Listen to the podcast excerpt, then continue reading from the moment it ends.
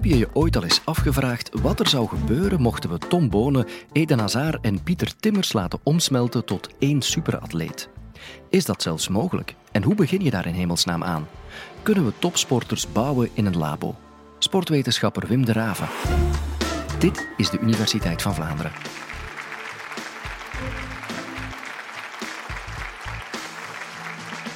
Wat een vraag. Dat zou geweldig zijn, denk ik. Uw eigen superheld monteren. Wie zouden jullie bouwen? Wie zijn jullie tophelden uit de sport? Kim Kleister zou u bouwen. Tom Bonen. Kevin De Bruyne. Dat zou ik ook doen. Ik zou Kevin De Bruyne maken. Dat is een kunstschilder op een voetbalveld. Geweldig hoe uh, dat hij inderdaad uh, een talent heeft om te voetballen. Of misschien zou ik Nafitiam nemen. Ik vind dat de beste atlete van de hele wereld en ze is het ook. Of misschien ook Usain Bolt. Simpelweg de snelste homo sapiens op deze planeet. En veel ouders zouden veel geld geven of alles willen doen om hun kind ook zo te laten worden. En ik ga in dit college met jullie de vraag beantwoorden hoe ver staat de wetenschap in het begrijpen waarom dat die mensen zo getalenteerd zijn. En de ethische bezwaren een beetje aan de kant schuivend, hoe ver staat de genetische ontwikkeling om hen ook effectief na te bouwen? Nu, de haalbaarheid van die vraag hangt in belangrijke mate af van welk soort topsporter dat we het hier hebben. Dus als we die Kevin De Bruyne nemen, no way, dat is te moeilijk. Zijn, zijn talent is gewoon te complex. Ik vermoed dat het ergens tussen zijn oren zit, eerder dan in zijn voetbalschoenen. Maar ik kan dat niet zomaar vertalen naar biologische eigenschappen of fysische grootheden of zo. En ook bij Nafitiam, dat is complex. Een meerkamp, dat houdt van alles tegelijk in. En ik denk ook dat haar talent in grote mate motorisch is. Heel snel bewegingen leren.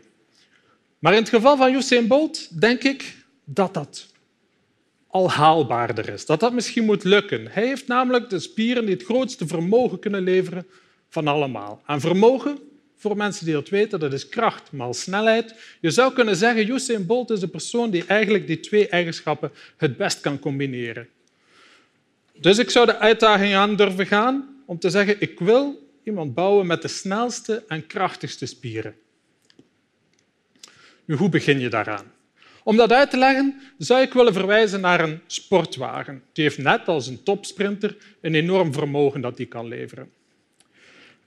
Als je zo'n sportwagen demonteert, dan kom je aan ongeveer 10.000 onderdelen. En ik heb van mijn kameraad Tony een aantal van die onderdelen meegekregen. Je ziet er hier een paar Sommige van die onderdelen, of dat dan nu van snelle wagens of trage wagens is, die ziet er net hetzelfde uit.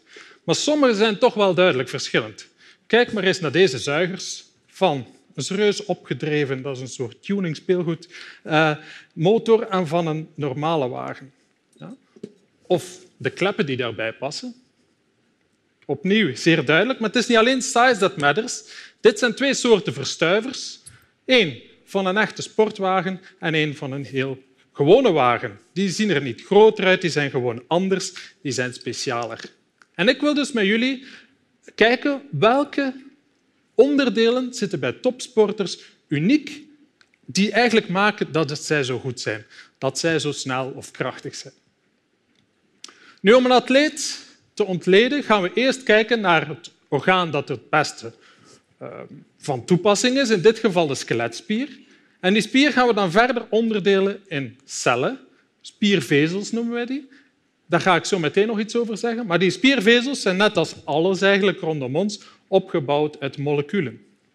En dat is eigenlijk wat mij boeit. Dat is welke moleculen maken nu juist dat een atleet bijzonder is. Ik beschouw dat gewoon als een berg uh, moleculen. De meeste van die moleculen zijn eiwitten en die hebben dus ook een code, een DNA-code, waar ik ook nog iets over zal vertellen. Dus, hoe ver staan we in het begrijpen van welke onderdelen dat topatleet uniek maakt? Dus als we eens gaan kijken naar die spiervezels, dan hebben we eigenlijk twee soorten spiervezels. We hebben rode en witte. Die rode die hebben zeg maar, normale motoren die heel lang een bepaald vermogen kunnen volhouden. Terwijl die witte, dat zijn eigenlijk degenen die zes keer meer vermogen kunnen leveren dan die rode. Dat is een enorm verschil, zes keer meer, maar die kunnen dat niet zo lang volhouden. En blijkt nu dat in de sport dat je aan beide soorten spiervezels een voordeel hebt. En we hebben dus aan de UGent een techniek ontwikkeld uh, om door middel van een scanner, een magnetische scanner, atleten te gaan bekijken, hun spieren. We schuiven die daar dan in. En dan kijken we uh, hoe die spieren opgebouwd zijn. En sommige van die atleten die heel goed zijn in explosieve nummers, in sprintnummers, die hebben meer een profiel uh, met heel veel van die witte vezels. En anderen hebben uh, uithoudingssporters bijvoorbeeld, die hebben dan een profiel met heel veel van die rode vezels. Ja? En jullie zitten helaas meestal een beetje ergens tussenin. Dus die spiervezeltypes heb je nodig als een bepaald talent. En de vraag die je waarschijnlijk stelt, is dat dan erfelijk? Ben ik daarmee geboren? Uh, en ik zou een heel wetenschappelijk exposé kunnen doen over erfelijkheidsstudies met tweelingen enzovoort. Maar ik ga dat niet doen. Ik ga jullie een eenvoudig voorbeeld geven van uh, de Belgian Tornado's. Dat is eigenlijk de 4x400 meter ploeg van België. Wat is statistisch de kans dat drie van de vier uit hetzelfde gezin komen? Statistisch is die kans nihil. Ja, toch is het zo. Dus erfelijkheid moet een rol spelen. Uh, niet zo gek, die twee ouders zijn ook erfverdienstelijke atleten. Ja? Goed, als het erfelijk is, betekent het dat wij het ook kunnen uitlezen in het DNA. En dat vakgebied heet de sportgenetica. En hoe ver staan we daarin? Wel, ik kan u opnieuw een voorbeeld geven. We hebben um, een bepaald onderdeel van de, van de motor, eigenlijk dus van de spieren. Laten we nu zeggen dat dat die twee zijn. En een van die onderdelen is specifiek voor die witte vezels en ander voor die trage vezels. Nu is het zo dat één op de zes mensen in de wereldbevolking, dus ook hier aanwezig, dit deel niet kan maken. Die hebben een genetische fout. Al die letters zitten door elkaar en die kunnen dat simpelweg niet maken. Dus ook al zeggen, ja, werkt mijn motor dan niet? Sta ik dan altijd stil? Nee, nee, die lossen dat op door dit onderdeel daarin te schuiven. Maar dat is natuurlijk niet zo geschikt daarvoor. Jullie gaan daar nooit iets van merken. Geen enkel probleem. Alleen als je natuurlijk topsporter wil worden in sprintdisciplines, dan gaat dat niet lukken. Ja? Dus dan gaat u dat parten spelen. Dit voorbeeld toont aan dat we voor een deel talent kunnen uitlezen in de letters van het DNA. Maar ga nu niet onmiddellijk uw DNA-staal gaan, opsturen naar bedrijven die daar uh, winstmarges in zien om u te gaan vertellen wat genetische talentidentificatie is. Daarvoor is het gewoon nog te vroeg. Ik heb wel een paar voorbeelden, maar dat is nog veel te vroeg. Maar het toont wel het principe aan dat wij sportprestatie en talent daarvoor kunnen uitlezen in DNA. En dan is het natuurlijk maar een kleine stap verder om te zeggen, oké, Misschien kunnen we dat wel een beetje aanpassen. Kunnen we die letters herschrijven zodanig dat wij eh, de natuur een handje kunnen helpen? En dan spreken we over gentherapie in de medische wereld en in de sportwereld spreken we over gendoping, genetische doping. Um, dat is natuurlijk ja, volstrekt illegaal, dat begrijpt u wel. Maar um, ik ga met jullie eens, eens overlopen hoe ver we daarin staan. Ongeveer twintig jaar geleden heeft men voor het eerst muizen kunnen maken. Muizen die een bepaald onderdeel van die motor ontbreken. Een deel dat ervoor zorgt, regelt, dat, dat de motor eigenlijk niet te groot wordt. Dat hij niet uh, volledig buiten proportie wordt. Als je dat onderdeel gaat kapotmaken, dan ga je eigenlijk supergrote spieren krijgen. En u ziet dat hier, uh, dat zijn uh, Sommigen zijn sowieso al bang van muizen. Die rechtermuizen, dat noemt men in de wetenschap de Schwarzenegger-muizen. Dat zijn degenen met dubbel zoveel spieren als een normale muis. Door één letter aan te passen in één gen. Waarom doen onderzoekers zoiets? Wel, men wou eigenlijk een eh, nieuwe therapie ontwikkelen tegen spierzwakte, tegen veroudering, waar sommigen last van hebben. Eh, waarbij je dus eh, zwakke spieren krijgt en op die manier wou men dat beter begrijpen. Nu, men had de inspiratie gehaald uit uh, Een spontane mutatie, genetische mutatie, die optreedt uh, nota bene in de Belgische weiden. Ja? Een, door selectief fokken is men tot uh, het fameuze wit-blauwe ras gekomen. Ja? De Belgian Blue Cattle. Twee keer zoveel spieren als een normaal rund. En dat was exact dezelfde mutatie. Men heeft die ontdekt en heeft gezegd, we gaan het een keer proberen bij een muis. En dat is gelukt om dat dubbel zoveel te laten maken. U vraagt zich natuurlijk af, zou dat dan kunnen bij de mens? Wel, ten eerste moet je starten voor de geboorte. We spreken hier dus over het veranderen van de letters van het DNA van embryo's. Dan wordt het heel moeilijk, maar recent is er een techniek ontwikkeld die men de CRISPR-Cas-methode noemt, misschien al van gehoord, is een echte doorbraak binnen de genetica uh, die eigenlijk al die zaken veel gemakkelijker maakt. En men heeft eigenlijk dus myostatine, dat is dat, dat gen dat kapot is, kunnen crisperen bij alle soorten dieren. Onlangs Chinezen nog bij de honden gedaan, dan zijn die honden opeens dubbel zo sterk. Ja? Men kan het dus veel uh, makkelijker dan men misschien zou denken. Zou dat de sport kapot maken?